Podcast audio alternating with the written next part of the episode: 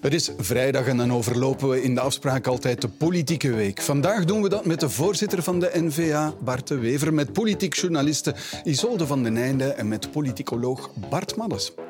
Welkom bij de afspraak op vrijdag.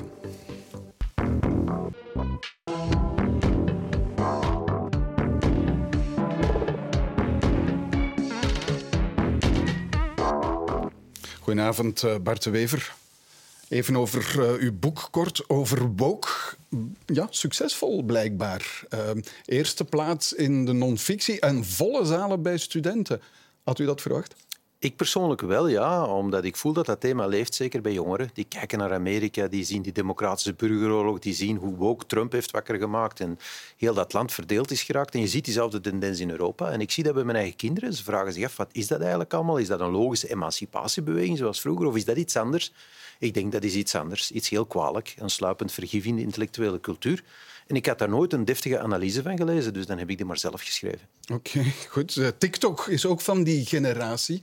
Um, Vindt u dat een goed idee? Geen TikTok meer op smartphones van overheidspersoneel? Wat ik heel goed vind, is dat Europa toch wakker wordt uit zijn geopolitieke naïviteit, waar we nu al decennia in sluimeren en plotseling vragen stellen. Ja, software en bepaalde hardware uit bepaalde landen kunnen we dat zomaar vertrouwen. Maar dat geldt dan ook voor Meta, uh, Facebook, Instagram, andere bedrijven? Zonder enige twijfel. Die commerciële bedrijven gaan ook onze data exploiteren. Maar in China is er iets anders. Daar moeten bedrijven die data ook aan de overheid geven als die overheid dat vraagt. En China is veel, maar het is geen democratisch land. En in de oorlog Oekraïne zie je dat dat zich ook als een, als een vijandige entiteit positioneert ten opzichte van het Westen. Dan moet je toch vragen stellen als je die software downloadt. Wat gebeurt er met die data? Ik heb een cybercrisis meegemaakt in mijn stad. Het noopt toch tot enige voorzichtigheid. Ook in de aankoop van hardware bijvoorbeeld vanuit bepaalde landen.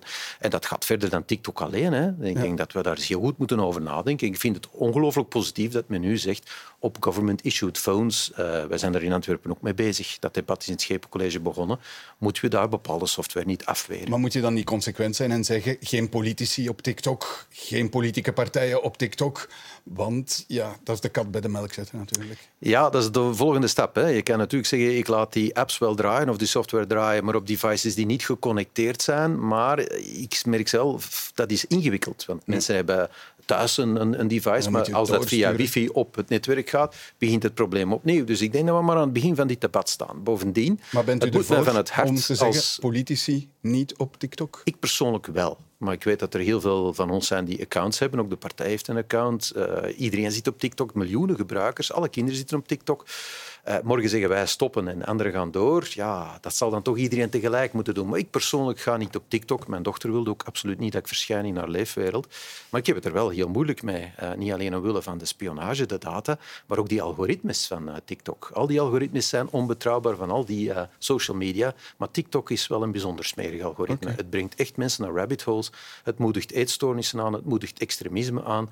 ik heb daar heel grote vragen bij. Ik vind het vuiligheid, eerlijk gezegd. Kijk, vlak afgezegd ik vind het vuiligheid. Uh, maar bon, dat is maar mijn persoonlijke mening. Ik kan geen mensen verbieden om, uh, op die devices uh, of, of, op die apps te gaan. Hè. Oké, goed. Goedenavond, Isolde van den Einde. In Gent um, intussen een stadslijst voor Gent. Is Paars terug in Gent? Alles komt terug bij de socialisten. Frank van den Broeke, Caroline Genet en ook de Paarse Stadslijst in Gent. Um, ja, er is uh, een hele grote vertrouwensbreuk gebeurd na de uh, verkiezingen van 2018 tussen Groen en de socialisten. Uh, die hadden toen samen een kartellijst. Um, en volgens de socialisten, zij hebben dat zo ervaren, zijn de Groenen zich nogal um, als pure machtshebbers over hen beginnen gedragen. ze hebben ze niet meer uitgenodigd of ze kwamen gewoon niet meer naar kartel vergadering, wat vroeger dan wel gebeurde. Um, over bepaalde dossiers hadden de Groenen dan heel veel ja, bilaterale contacten, zoals dat dan heet, met de liberalen, waar de socialisten dan wat buiten stonden. Op gevoelige dossiers voor de socialisten, zoals uh, in Gent de uitbreiding van de lage emissiezone. Ja, dat, dat lag dan ook allemaal heel moeilijk om de kartelpartner daarin mee te nemen. Dus dat heeft tot een soort wantrouwen uh, geleid. En dan heb je de lachende derde, die uh, goede berekeningen maakt rond het nieuwe decreet voor de lokale verkiezingen. En, uh, en, dan vorm je toch een nieuwe kartellijst. Uh, want maar, dat brengt op. Uh, maar Matthias... die tegelijkertijd een hele oude is, namelijk een oude band tussen socialisten en liberalen. Zeker, um, dat heeft er ook mee te maken. Maar ik denk toch dat dit een zeer grote rol heeft gespeeld. Dat, die, dat nieuw decreet rond de lokale verkiezingen, waarbij dat de, de, de politicus uh, op de grootste lijst eigenlijk uh, de scherp krijgt. En ja, Matthias de Klerk wil zeer graag opnieuw burgemeester van Gent worden. Dus uh, dat is echt een strategische keuze. Je kan daar voor of tegen zijn. Zij zeggen dit biedt transparantie uh, voor, voor, de, voor de kiezer, want het akkoord wordt op voorhand bedisseld, zal ik dat maar zeggen, open en bloot, niet achteraf. Um, maar ik vind dat wel een, een jammere zaak, omdat je minder keuze hebt als kiezer. Ja. Goedenavond, professor Maddes. Gaan we dit fenomeen nog vaker zien? Stadslijsten gaan opduiken, samenwerkingen, omdat het nu eenmaal ertoe leidt dat je makkelijker gemeenteraadsverkiezingen wint en burgemeester kan blijven, bijvoorbeeld? Ik denk het wel. Uh, maar in tegenstelling tot mevrouw Van den Einde vind ik dat niet noodzakelijk een slechte zaak. Omdat je op die manier eigenlijk een beetje in de buurt komt van een echte burgemeestersverkiezing. Um, men heeft dat ooit geprobeerd. Hè. Uh, Paul van Grimbergen als minister van Binnenlandse Zaken heeft dat willen doorduwen om op Vlaams niveau een echte burgemeestersverkiezing uh, te creëren, hè, waarbij er dan twee blokken zouden ontstaan, waarbij de kiezer echt zou kunnen zeggen van kijk, ik wil hè, dat dat blok bestuurt met die burgemeester en dat programma. En dat is eigenlijk een goede zaak. Uiteindelijk in Gent zien we een situatie die heel transparant is. Dus dat kartel legt een programma voor aan de kiezer. Um, dat gebeurt niet in, eh, in een achterkamertje. Vroeger waren er dan voorakkoorden waar de kiezer geen weet van had.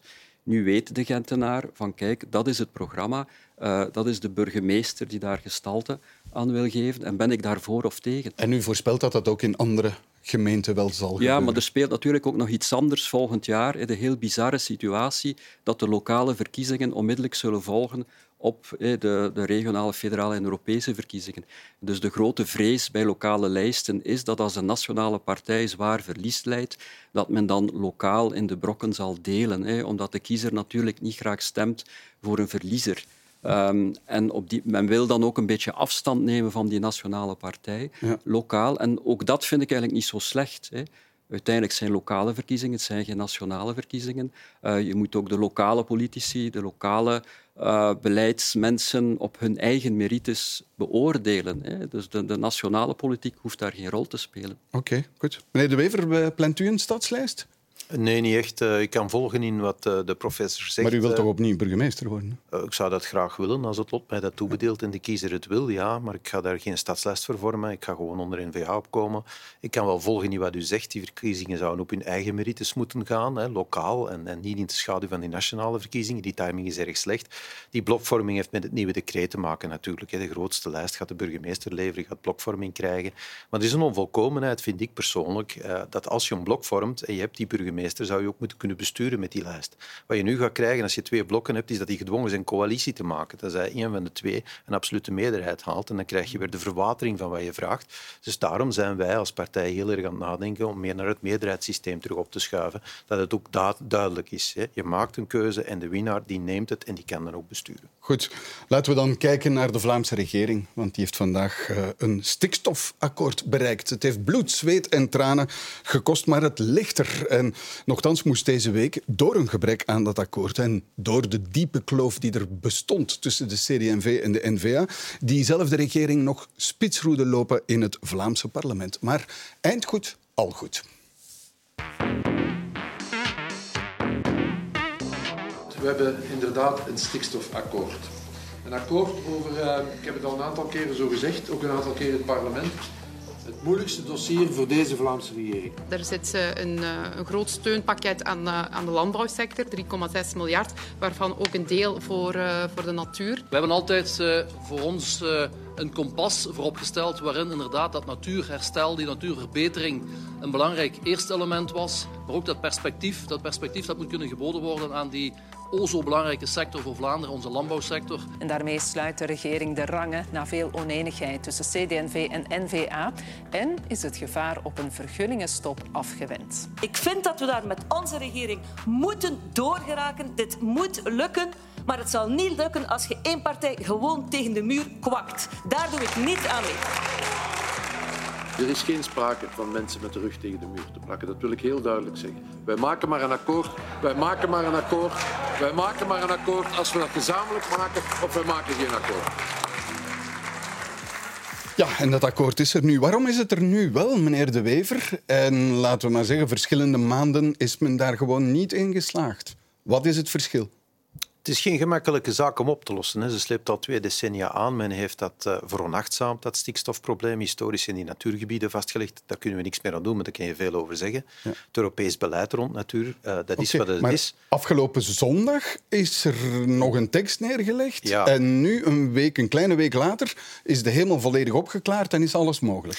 Ja, dan spreek je over de laatste fase van ja. het hele verhaal. Waarom het nu precies nodig is om een goed akkoord eerst uh, volledig af te breken en het dan toch goed te keuren, dat weet ik ook niet. Maar die vraag moet u niet aan mij stellen. Waarom dat, dat nu al de tweede keer is dat we dat meemaken. In september hadden wij een prima begroting. Vlaanderen is financieel gezond, veel goede maatregelen. We hebben hetzelfde meegemaakt. De minister-president is dan vernederd in het parlement en dan heeft men het toch goedgekeurd. En ja, dat was een horrorfilm. En een sequel is zelden beter dan uh, het eerste deel. Dus... En nu hebben we dus de sequel beleefd. Je hebt een akkoord, dat is eigenlijk prima. Dat voorziet in heel veel transitiemaatregelen, miljarden voor de landbouw. We weten dat we dit moeten doen. We kunnen er niet meer onderuit. Toch moeten we dan nog eens door die horrorshow om dan uiteindelijk datzelfde akkoord goed te keuren. En dat verwijt u de CD&V? Um, ja, verwijt ik de CD&V. Ik snap wel dat ze het lastig hebben met die traditionele achterban. Hè. Dat, dat begrijp ik wel, dat het gevoelig is. Maar waarom dit allemaal nodig was, dat ontgaat mij. Je hebt in 21 een arrest gehad van de Raad voor Vergunningenbetwistingen. Dan ga je een vergunningenstop. Dat wisten we. Het stikstofkader van mevrouw Schouwvliegen was caduc. 22 hadden we dat akkoord rond om te zeggen we gaan dat oplossen. CD&V was heel gelukkig. Lees de persberichten van toen. De principes die vandaag ook in het akkoord zitten, zeer, zeer gelukkig. Toen heeft men zelfs gezegd, ja, verschillende behandeling voor industrie en landbouw, dat, ja, dat moet nu eenmaal. Hè. We weten dat de Boerenbond dat niet wil, maar dat is een emotie. Dat was CD&V die dat zei. Dat akkoord is dan uitgewerkt, want dat moet een openbaar onderzoek ondergaan. We schuiven een jaar op, we zijn Crocus 23. 21 arrest, 22 akkoord. Crocus 23, het lichter. Maar er zijn veranderingen natuurlijk hè, in die periode. Er is een andere voorzitter aangetreden, er is een andere minister aangesteld en plotseling was het stelberg op fietsen. Heeft men allerlei compensaties gevraagd. Die heeft men ook allemaal gekregen. Een rijk buffet aan compensaties die wij ook heel graag geven. Want wij zijn pro-landbouw. Wij zijn tegen een vergunningenstop, maar we zijn pro-landbouw. Want de landbouw heeft niks aan een vergunningenstop en de rest van de economie ook niet. En dat ligt er dan allemaal. En dan wordt er weer die horrorshow georganiseerd.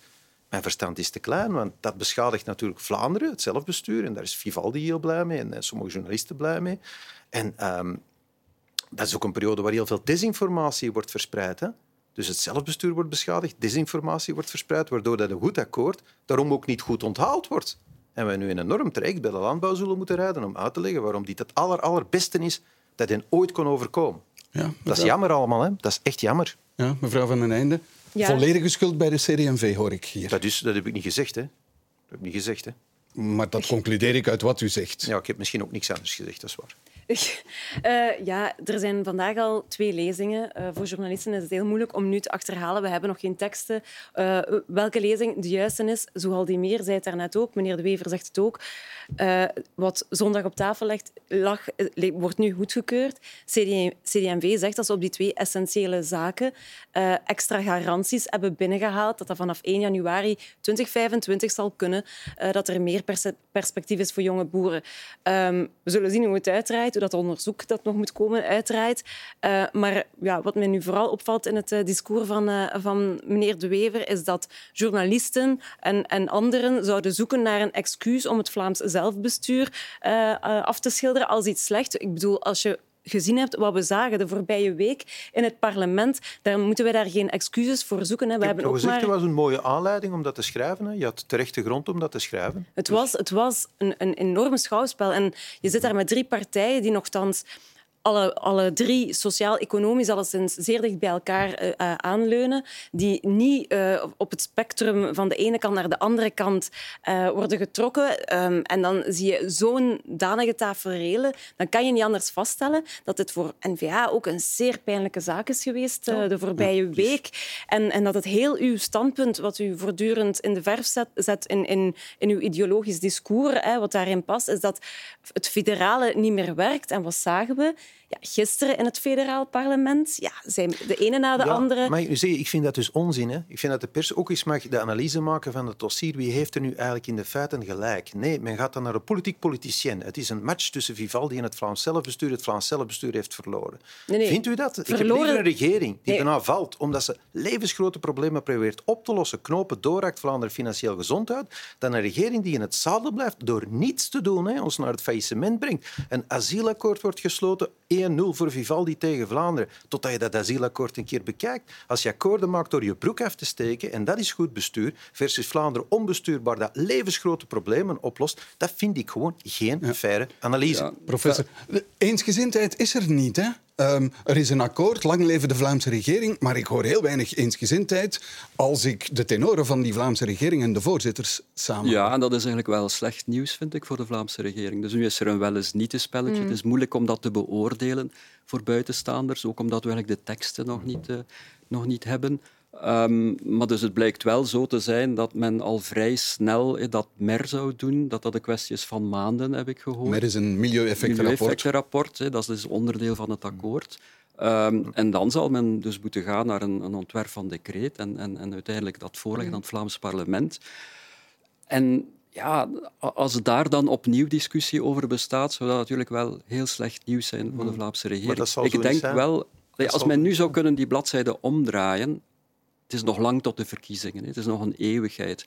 Dat zal misschien hè, tegen mei vorig jaar een, ehm, een pijnlijk incident zijn, dat, dat men zal dat niet vergeten zijn. Maar zo ziet het misschien zal dat wegdemsteren. Maar ziet als dat nu zal blijven etteren, is dat een groot probleem Nee, nee, nee, natuurlijk. Dat blad is omgedraaid, wat mij betreft. Ik mag nog zeggen wat ik te zeggen heb over de afgelopen periode, denk ik, maar het blad is omgedraaid. En die mer zal geen showstopper meer zijn, omdat het heel eenvoudig is voor mij. De tekst gaat niet veranderen. Hè? Dus de tekst die men nu gaat goedkeuren, is de tekst die is neergelegd, punt. De twee moeilijke punten, externe saldering en die U, verschillende u weet normen... dat de voorzitter van CD&V dat ontkent. Jo Broens ontkent dat. Zegt dat er wel degelijk grote verschillen zijn tussen wat de zondag en nu is Nee, nee, maar dat gaat over het globale akkoord waar ze nu zeggen, mijn bereidheid die zondag ook bestond, de twee moeilijke punten die nog overbleven. 13 knelpunten, 11 waren opgelost, twee bleven over. Waarom waren die er? Omdat wij denken dat als we daar nu aan toegeven, het juridisch caduc is. Alle experten, onafhankelijke experten, er zijn er ook andere, zeggen ook dat dat zo is. Dus daar wilden we niet op toegeven. Zondag was er al wel bereidheid om te zeggen, we willen dat wel bekijken, want we zijn daar uiteraard niet tegen. Hè. Alles wat goed is voor de boeren, zeggen wij volmondig ja tegen. Die gaan nu in een apart onderzoek, de MER-onderzoek. Moest nu blijken dat al die onafhankelijke experten ongelijk hadden en de experten die CD&V heeft, hè, die ook in de Raad van Bestuur van de Boerenbond blijken te zitten, die hebben wel gelijk, dan gaan wij dat zonder probleem toegeven. Hè. Als wij dat kunnen geven aan de boeren, waarom zouden... Ik ben niet tegen de boeren, ik ben tegen een vergunningenstop. Want dat treft niet alleen de boeren, maar heel de economie. Als wij voor de boeren meer kunnen doen, als ze gelijk bereikt hebben uit dat mer, maar van ganser harte. Dus hoor- dat blad is omgedraaid, wat mij betreft. En aan dat akkoord zal ook niks meer miskomen. Maar- maar Moeten wij extra toegevingen doen? Ze zijn bij deze gegeven. Als Ja. we ze kunnen geven, geven we ze. De CD&V, ik heb er net in het begin gezegd, meneer De Wever wijst heel sterk naar de CD&V. Er is toch ook wel wat gebeurd Ja, in de stijl van de N-VA. Absoluut. Sa- sabotage, Sami. eh, een partij kopje kleiner maken, dat helpt niet om een compromis te bereiken, denk ik dan. Nee, niet één, valt er mij nu in dit gesprek heel hard op hoe hard meneer De Wever benadrukt. En ik denk dat hij dat juist, heel juist aanvoelt waarom hij het moet benadrukken. eh, dat N-VA niet tegen de boeren is. Dat is een heel belangrijk element dat ik hier aan tafel hoor op dit moment, omdat dat heel hard in het nadeel van de N-VA vandaag speelt. En dat wordt ook uitgebuit door CD&V. Ehm, dus meneer De Wever voelt de drang, en hij heeft het een paar keer al gezegd, om dat te benadrukken. Als hij zegt, wij hebben heel veel toegegeven aan CD&V, dat is absoluut iets dat ze eerst niet wilden doen. Dat hebben we heel hard gehoord, ook van het kabinet Demir. Dat is wel zo. En, en nadien zijn er inderdaad toegevingen ge- geweest die inderdaad tegenover de boeren wat ademruimte gaven. Dat is volstrekt Ehm, en, en dan zijn er Echt inderdaad... volstrekt onjuist wat u zegt. Wij hadden van meet af aan in petto om heel veel toegevingen te doen. Ik heb het ordergeld gegeven, weken geleden, alles wat het akkoord niet juridisch caduc maakt, toegeven. En bij CD&V wist men dat, want ik heb het aan Sami Medi ook gezegd, dat men alles kon krijgen, behalve iets wat het akkoord juridisch caduc maakt. Waarom beklemtoon ik dat ik niet anti-boer ben? Dat is omwille van de ongelooflijke desinformatie die naar het terrein is gegaan. Als ik mensen nu op straat tegenkom, dikwijls boeren, ik kom die ook wel eens tegen, wat die mij vertellen, dan vraag ik me af, wat is u allemaal wijsgemaakt? En dus een heel goed akkoord voor die sector heeft me volledig verknald. Ik wil- ik en dat wil- maakt mij inderdaad een beetje boos. En we zullen daar de komende maanden enorm veel moeite moeten insteken om te zeggen we hebben die sector rechtszekerheid gegeven, bedrijfszekerheid gegeven. Ik wil even terug naar die stijl van, van de NVA, eh, professor. Bijvoorbeeld het goedkeuren met een meerderheid en niet in consensus van de conceptnota. Dat is toch, en mevrouw Krevits heeft het, een partner met de rug tegen Ja. de muur kwakken genoemd. Ik moet eerlijk zeggen, toen ik dat zag op de website van de Vlaamse regering, dat is eigenlijk een beetje het staatsblad van Vlaanderen, hè, dat zijn echt de officiële beslissingen van de Vlaamse regering, dat die conceptnota daar zondag op verscheen. Uh, omdat ehm, ja, de Vlaamse regering moet in consensus beslissen, collegiaal. Daar is eigenlijk weinig discussie over. Dus een Vlaamse regering kan niet bij meerderheid Dus beslissen. hoe En interpreteerde nochtans- u dat document dan? Als een soort als, als, dreigement? een, als een provocatie, minstens Een provo- ten opzichte van. Het is een paardenmiddel, geweest, dat geef ik toe trouwens. Bij consensus is het niet hetzelfde als unaniem. Artikel 99 van de grondwet, zoals geannoteerd, is eigenlijk kristalhelder. Als je een beslissing hebt en je verzet je daartegen, dan moet je oftewel die beslissing toch aanvaarden en zwijgen, of je moet je ontslag geven. Wat dat betreft is artikel Ja, maar dat 99 is- maar Wij hebben ons nooit de illusie gemaakt dat we dat twee tegen één konden doordrukken. Maar het blijkt toch wel een paardenmiddel geweest te zijn om uiteindelijk de stroomversnelling te bereiken die ons vandaag tot een akkoord heeft gebracht. Ja, Betreur ik dat? juridisch niet Maar zeggen van de professor, Vlaamse ik regering ik beslist bij meerderheid. Dat, dat is juridische heeft- nonsens. Ja, je kunt natuurlijk een consensus... Je kunt, je kunt tussen ministers je hebben die zich unaniem aansluiten beslissen. bij de consensus. Dat is iets anders. Maar bij meerderheid beslissen, ja, dat, dat kan Nee, je kan niet bij meerderheid beslissen, maar als je geen meerderheid hebt, dan is het eigenlijk de bedo- het logica van artikel 99 dat degene die niet akkoord gaat ook zijn ontslag geeft. Dat is ook niet gebeurd. Maar het en dat maakt zo er ook duidelijk, dat Het is bij er meerderheid. Ja, dat dat die regering niet zou vallen. En dat is uiteindelijk het paardenmiddel geweest om tot dat akkoord te komen. Want op dat moment heb je in die week gezien dat iedereen die zou dromen van een wisselmeerderheid, dat die een fantasie koesterde.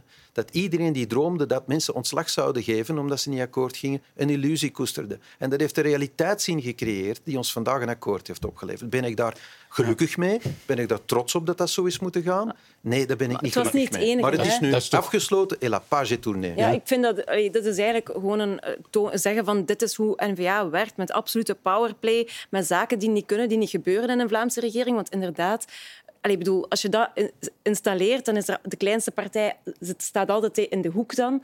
Dus Maar- zo wordt er niet eh, besproken, maar er zijn meerdere zaken gebeurd, ook in het parlement. De, de speech op een, op een dag dat ja, heel wat mensen daar naar keken in het Vlaams parlement, dat was geen speech van de minister-president. Daarna, in het begin, hebben we geen minister-president gezien. In het begin zagen we Jan Jambon, de N-VA-politicus, die punt per punt oplijsten van ehm, ja, wij hebben hierop uh, een consensus gevonden, maar daar niet op. En dit is het definitieve akkoord. Wat later hebben we dan wel de echte uh, minister-president gezien, die dan toegaf, zoals daarnet in het filmpje, van nee, we, gaan, we kunnen toch nog wel wat spreken erover. We kunnen toch nog wel wat ruimte creëren. enig begrip hebben voor de context waarin zo'n dingen gebeuren? Als je een akkoord maakt, een van de moeilijkste akkoorden die je moet maken, en een jaar later zegt een partner ik ga dat akkoord niet meer uitvoeren, dat je dan op de rand van de Nee, dat afgrond wordt gebracht. Kan u begrip hebben dat als je in september al eens aan de wasdraad bent gehangen en, Ja. en, en beschimpt bent door een gans parlement als minister-president, dat je terug in die horrorshow terechtkomt en op een gegeven moment Maar hij is uit wel zijn rol gevallen, dat is het enige wat ik zeg. Hij is je toen uit kon zijn niet rol in je rol blijven. Maar Ja. Je een, kon niet een in je rol uitspraak als sabotage Sammy helpt toch niet om je partner bereid te maken om tot een compromis te komen? Ja, uh, ik betreur uiteraard uh, veel uitspraken die langs alle kanten zijn gebeurd door alle partners. Uh, dat is de emotie die ook wel een stuk regeert. De politicus is ook maar een mens.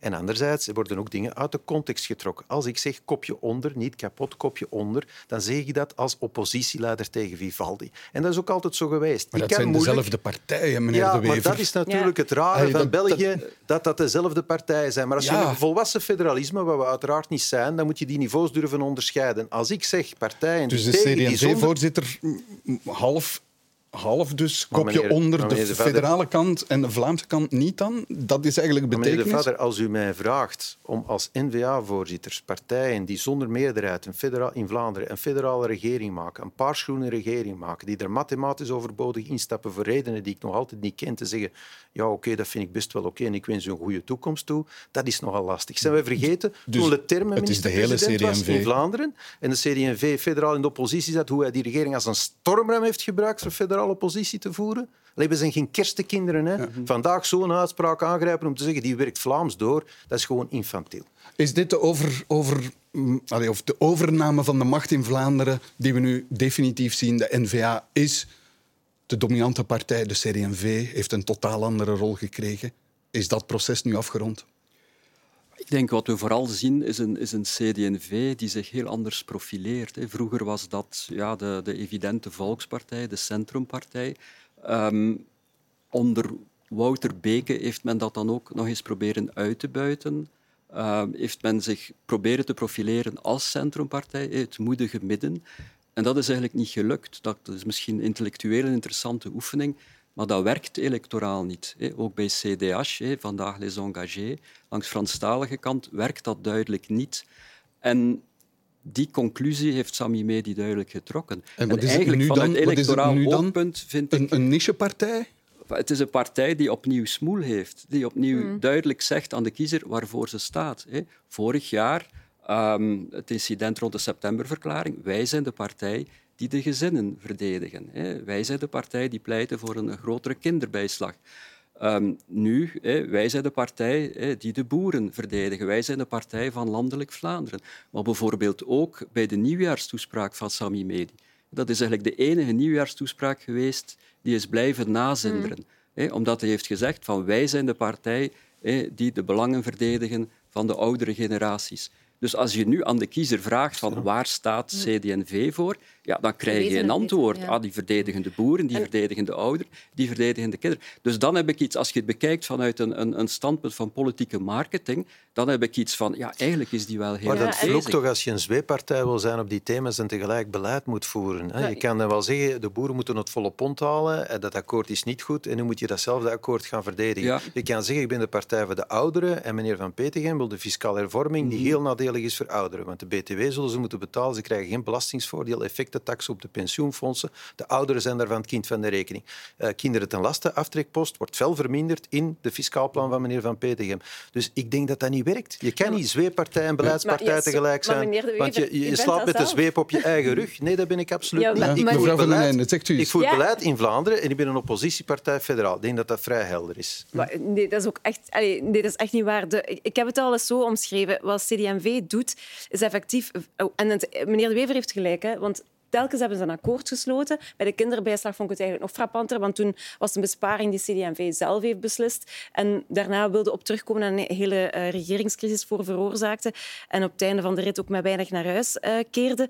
Eh, we zullen afwachten dat dit de tweede keer is, zoals meneer De Wever wel aangeeft. En inderdaad, een jaar geleden hebben ze dat goedgekeurd op ook dat essentiële punt, wa- wat deze week echt het vechtpunt was. Dus is inderdaad Ja, iets Maar veranderd. dat geeft de partij smoel, zegt de professor. Dat is zo. Eh, en eh, Sami Medi doet niets anders wat N-VA doet. Ehm, N-VA ziet nu opeens een tegenstander die in een gelijkaardige electorale eh, vijver wil, wil vissen. Er zit nog een heel groot verschil eh, qua grootte, want eh, meneer De Wever haalt nog altijd 20% in de peilingen en CD&V zit nog altijd maar rond die 10% Dus er is een zeer grote kloof te overbruggen. Maar je ziet dat die ook sociaal-economisch wat opschuiven richting wat N-VA doet, maar ook in de houding zie je dat, dat ze eigenlijk ook veel doen wat de N-VA doet qua Maar dat is- provocatie. Als we het hebben over een zoehalke doen of een plantoehal, wat we deze week zagen... Dat is ongelooflijk wat ik hoor. Wij sluiten akkoord na akkoord in die Vlaamse regering. We doen dat netjes, ordentelijk en wij verdedigen dat akkoord. Dat is toch totaal niet wat CD&V doet? Met alle respect. In de vorige Zweedse regering heb ik op één moment gezegd nu kunnen we echt niet akkoord gaan. En we hebben ons ontslag gegeven zoals het hoort. Kom je niet tot consensus, dan ga je weg als je alleen staat. Netjes volgens de regels van het spel. Is dat wat CD&V vandaag doet? Ik zie iets totaal anders. Goed, ik zeg het nogmaals, want de indruk kan op de duur ontstaan dat we het blad niet willen omdraaien. Nou, vanavond is het blad omgedraaid. Morgen gaan we maar- over tot de orde van de dag. je- Maar die analyses die ik hier hoor, Maar- ik vind die onwaarschijnlijk Wat, kras. meneer, maar mag je dan als partij je standpunt niet blijven verdedigen binnen een regering? Meneer De Wever laat uitschijnen dat je dat dus niet... Maar in dat opzicht vind ik ook de vergelijking met Georges-Louis Boucher heel relevant. Eh, Ik, ik noem dat een beetje de Boucher-doctrine. Eh, Boucher zegt van kijk, ehm, je moet aan de kiezer tonen dat je er heel hard voor gevochten hebt. En finaal moet je dan akkoord gaan met een compromis. Ehm, maar je moet echt tonen, je moet duidelijk maken dat je heel hard gevochten hebt. Dat is wat CD&V nu doet. Want uiteindelijk, Boucher, ja, die trapt vaak wild in het rond. Hè. Maar finaal doet hij nooit de regering vallen. Finaal krabbelt hij uiteindelijk wel terug en gaat hij akkoord met een compromis. Dus dat is nu ook wat CD&V gedaan altijd heeft. één station vroeger. Hè? Dus Boucher die roept, die teert, he talks the talk, never walks the walk. het moment dat de regering beslist, is Boucher niet aanwezig. Maar die veroorzaakt geen horrorshows in het parlement. Dat doet hij niet. Die roept alleen maar buiten het parlement. Oké. En dat is toch nog een groot verschil. Dit is Boucher van den Aldi. Ja. Eh, Tijdens de solde. Oké. Is de Vlaamse regering nu gered? Ehm, ja, goed. Uiteraard, de Vlaamse regering kan nu verder. Wat ik eh, verwacht had als er geen akkoord was geweest, eh, was dat zeer moeilijk geworden. Dus er zullen nog wel eh, akkoorden kunnen gesloten worden. Maar, het heeft sporen nagelaten. Ja, ik geloof... ja, ik, ik, ik, versta wat, wat politici dan zeggen van wij zijn volwassen, wij kunnen om met politieke strijd. Dat is ook maar deels waar. Er is ook een deel binnen de N-VA die CD&V al heel lang beu is, om verschillende redenen. Ook omwille wat er gebeurd is in die regering Michel. Die N-VA heeft zich heel vaak in een hoek geduwd daar door, door CD&V. Dus er is al een heel lange strijd bezig tussen die, die twee partijen die ooit een kartel vormden. Ehm, ik denk niet dat dit ehm, zomaar overwaait. Ik denk dat dit wonden nalaat. En ik denk als er een kans zou zijn, en de kiezer moet eerst kiezen, en dat is het belangrijkste, maar dat, dat, er, eh, dat er toch een kans bestaat dat ze dan CD&V zouden, zouden wippen. Ja, ik denk dat er nog weinig vertrouwen is in Sami Meri, net omwille van wat meneer De Wever hier ook allemaal vertelt, van het telkens terugkomen op een akkoord. Eh, dus daar zit de, zit de wonde. Hoe groot is de schade voor de politiek in het algemeen? Als men erin slaagt om die bladzijde om te draaien, ehm, misschien niet zo groot. Hè. Ik, ik denk eerder, als het dan gaat over het wantrouwen ten opzichte van de politiek, ja, dat dat eigenlijk een veel fundamenteler probleem is. Hè. Dus wat we eigenlijk vandaag gezien hebben in Vlaanderen, het is daar straks al gezegd, is, is vrij normaal in een democratie. Hè. Dat er eh, ja, discussie is, eh, dat, dat er een blokkering is. Normaal gezien zou je dan moeten kunnen gaan naar verkiezingen, dus dat kan jammer genoeg niet. Maar voor de rest is dat de normaal, normale functioneren van een, van een democratie, waarbij dan al eens harde woorden vallen. Het, het wantrouwen heeft in mijn ogen vooral te maken met het feit ja, dat België als geheel niet functioneert als democratie. Hè, Dat er eigenlijk geen verband bestaat tussen de keuze van de kiezer en het beleid dat federaal wordt gevoerd. hè. Dus de kiezer die stemt nu al twintig jaar centrum, centrum-rechts in Vlaanderen, eh, rechts, eh, maar hij krijgt dat beleid niet. En dat is het grote probleem, dat België niet normaal functioneert als een, als. Normaal zou je moeten dus kunnen zeggen van oké, de kiezer kiest voor een rechtsbeleid en hij krijgt dat rechtsbeleid. Als hij niet tevreden is daarover, de volgende keer kiest hij voor een linksbeleid en krijgt hij een linksbeleid.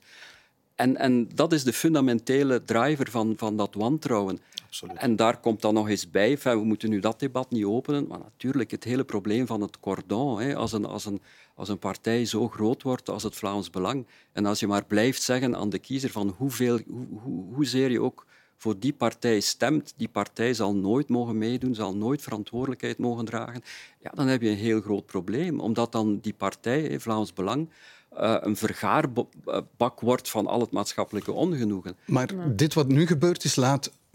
Denkt u geen sporen na bij de kiezer? Tja, het is moeilijk. Als men die bladzijde nogmaals kan, kan omdraaien, dan, dan is- zal het misschien tegen volgend jaar enkel maar een pijnlijk incident zijn. Het is nog heel lang. Vergeet niet hè, wat dat er gebeurd is in 2018, 2019. Hè. 2018, de Marrakesh-crisis. Iedereen dacht hè, van die verkiezingen zullen draaien rond, rond eh, migratie, rond Marrakesh. Dus dat zal enorm veel sporen nalaten. Dat zal een enorme impact hebben op die verkiezing. Maar wat hebben we dan gezien de maanden nadien? Ja, dat was plots een totaal ander thema. hè. Dat waren dan de klimaatmarsen. Dat was dan het centrale thema van de, van de verkiezingen.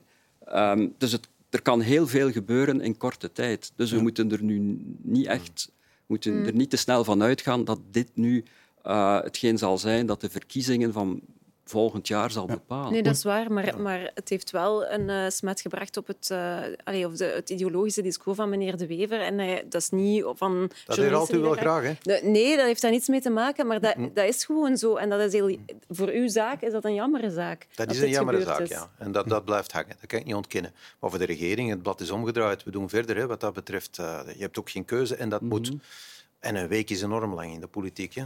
Kijk, eh, de alcohol is verboden in het parlement. Een week later valt bijna de regering. Ik zie duidelijk het verband. Dus eh, een week kan... eh, dat is een grap, hè, vooral duidelijkheid. Een week kan ongelooflijk lang zijn. Hè. Maar dan- een jaar voor de verkiezingen zeggen dat dit de verkiezing gaat bepalen, dat lijkt mij ook Maar bij de haren getrokken. Goed, maar mag ik dan die kiezer er toch nog eens bijhalen? Hoe denkt u dat hij daar naar gekeken heeft, naar dat hele schouwspel? Die- Ik voeg er nog aan toe, bijvoorbeeld de politieke klasse die met de pensioenuitkeringen of uitredingsvergoedingen, noem het zoals u het Hmm. wil, dan ook bewijst dat er in de eerste plaats, zo komt het toch over, aan zichzelf wordt gedacht. Hoe denkt u dat dat bij de buitenwereld overkomt, de combinatie van Van al die stikstof dingen? begrijpt niemand iets. Hè. Dat zou pas een thema geworden als er een vergunningenstop Maar was. men begrijpt hè. dat er ruzie is. Op het moment dat er een vergunningenstop Ja. is, wordt dit een thema. De burger zegt, hoe ik kan geen huizen niet meer bouwen, hoe ik kan geen fabriek, hoe mijn werkgever kan mij niet meer eh, helpen met mijn nieuwe vergunning. Dan wordt het een thema. Dus tot zolang snapt niemand daar iets van. Hè? Niemand. Dus dat was geen thema, dat leefde uiteraard bij de boeren, maar daarbuiten snapte niemand. Dat was iets hoogstens een sentiment. De Die pensioenregelingen. uitredingscultuur, net het omgekeerde. Hè. Daar werd je continu en overal over aangesproken. Daar zijn we echt getakkeld door een spook van het verleden. Er zijn enorm riante uitredingen die er zijn geweest. Mensen die met honderdduizenden, meer dan een half Is miljoen het een zijn spook van het verleden? Is het volledig achter de rug, meneer De Wever? Ja, ik hoop dat er nu niet nog iemand zo'n stelsel heeft dat plotseling opduikt waar we zeggen oei, bestond dat nog? Uh, Ik hoop dat dat niet waar is, want dan maak je ongelooflijk slechte beurt. En, en ik wil een lans breken voor mijn generatie. Als ik begon, hadden wij op 20 jaar vol pensioen, stelsels, uitredingen. Van, van, er zijn mensen nog een paar jaar geleden met, met, met 450 tot 500.000 euro vertrokken. hè, José van Appar, 530.000 euro was de Erik, kampioen. Erik van Oppen, 477.000 euro. Eh, mensen van Vlaams Belang met, met 380.000 euro. Mensen waar je nog nooit van hebt gehoord. Eigenlijk absolute schandes.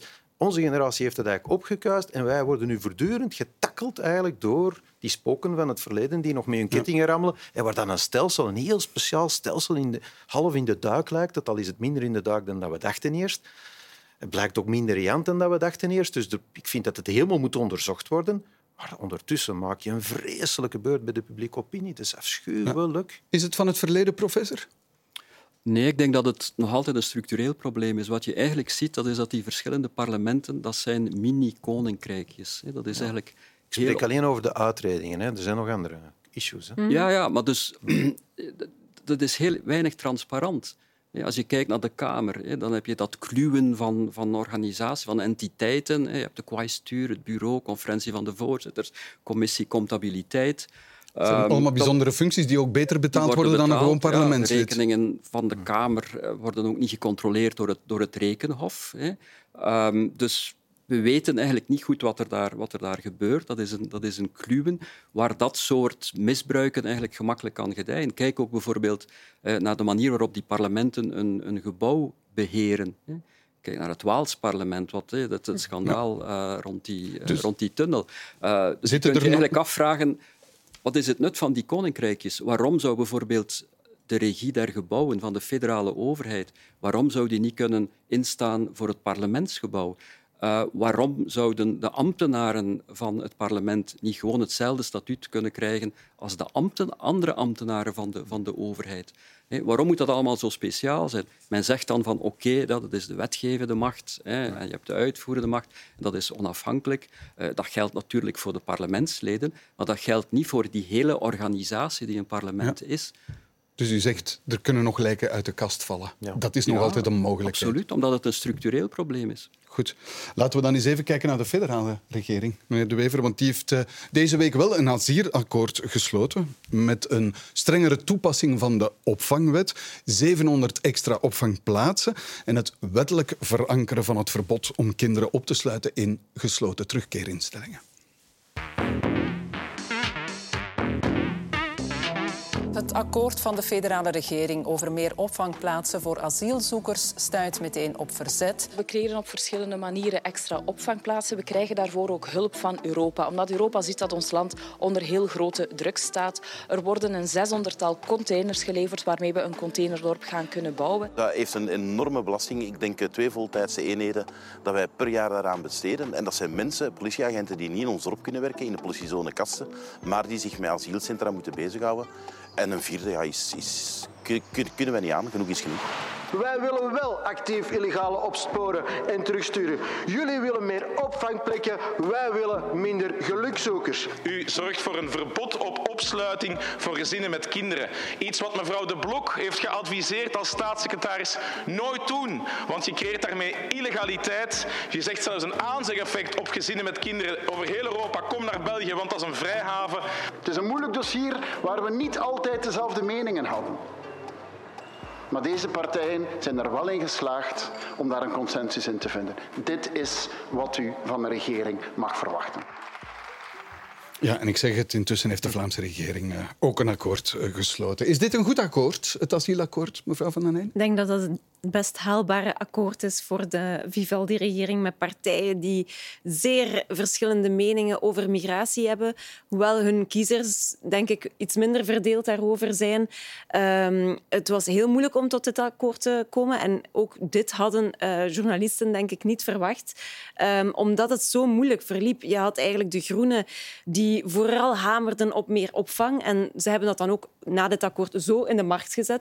Uh, mevrouw De Moor had het over 700 extra opvangplaatsen. De Groenen had opeens over 4000. Die maakten dan een andere rekensom met alles wat gebeurd was.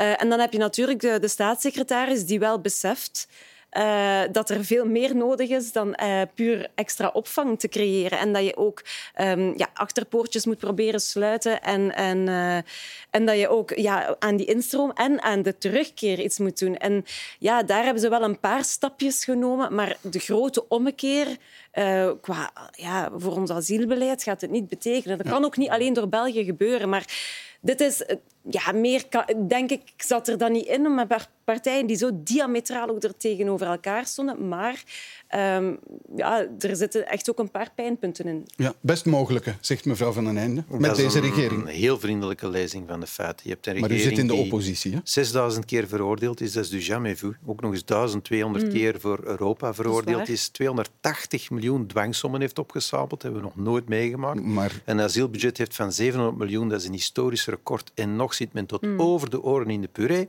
Dat heeft met Europees beleid te maken dat niet deugt. En het Belgisch beleid dat er altijd in slaagt om putje van het Europees bad te zijn. Zeker als linkse partijen aan de macht zijn. Kom naar hier, uitkeringsstelsels, heel gunstig, kom maar af.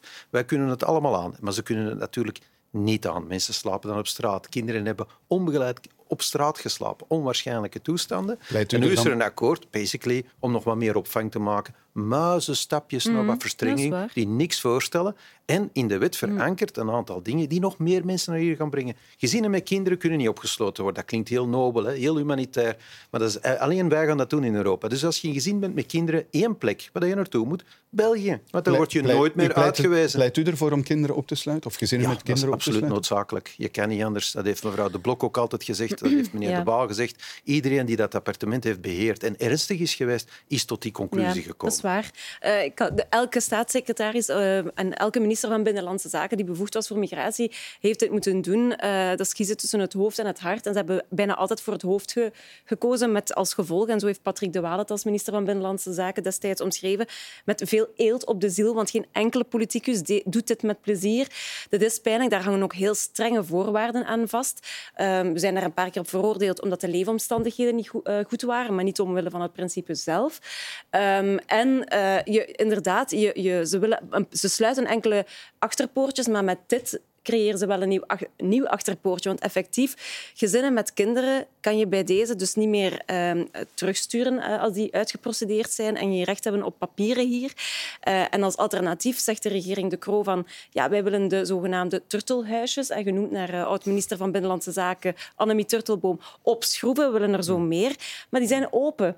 Die zijn, die zijn open, dus zij kunnen daar, daaruit, want je mag, je mag niet opsluiten. En ja. deze regering is de eerste uh, in, in vele die dit nu wel niet, niet wil doen. En wettelijk gaat verankeren. Hè? Dus het wordt ontzettend moeilijk voor een volgende regering om dat terug om te turnen. Want er zal altijd, eh, want dit is België, hè? Vlaanderen mag rechts zijn, er zal altijd een linkse partij in de regering zitten. Want in Wallonië zijn er bijna geen ander.